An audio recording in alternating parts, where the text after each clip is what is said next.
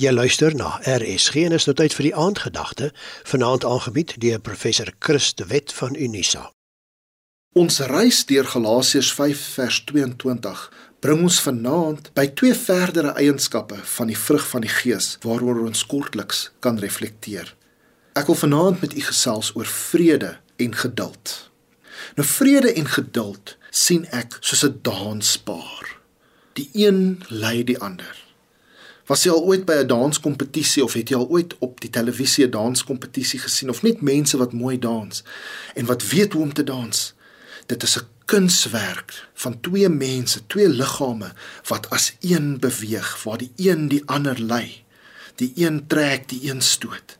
Dit is hierdie pragtige dans. So is hierdie twee eienskappe van vrede en geduld ook 'n danspaar.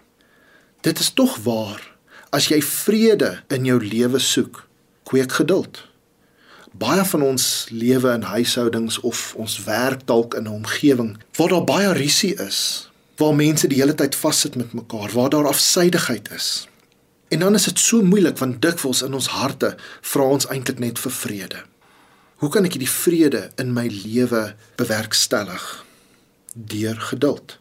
Maar dit is nie altyd maklik nie. Dit is soms eintlik baie moeilik. Want wat beteken geduld? Geduld beteken jy moet leer om in 'n ander persoon se skoene te staan, te probeer verstaan wat hulle sê en voel. En geduld impliseer dikwels ook vergifnis. Ons kweek vrede en ons bestry die risie en die afsydigheid in ons lewens deur geduld te beoefen.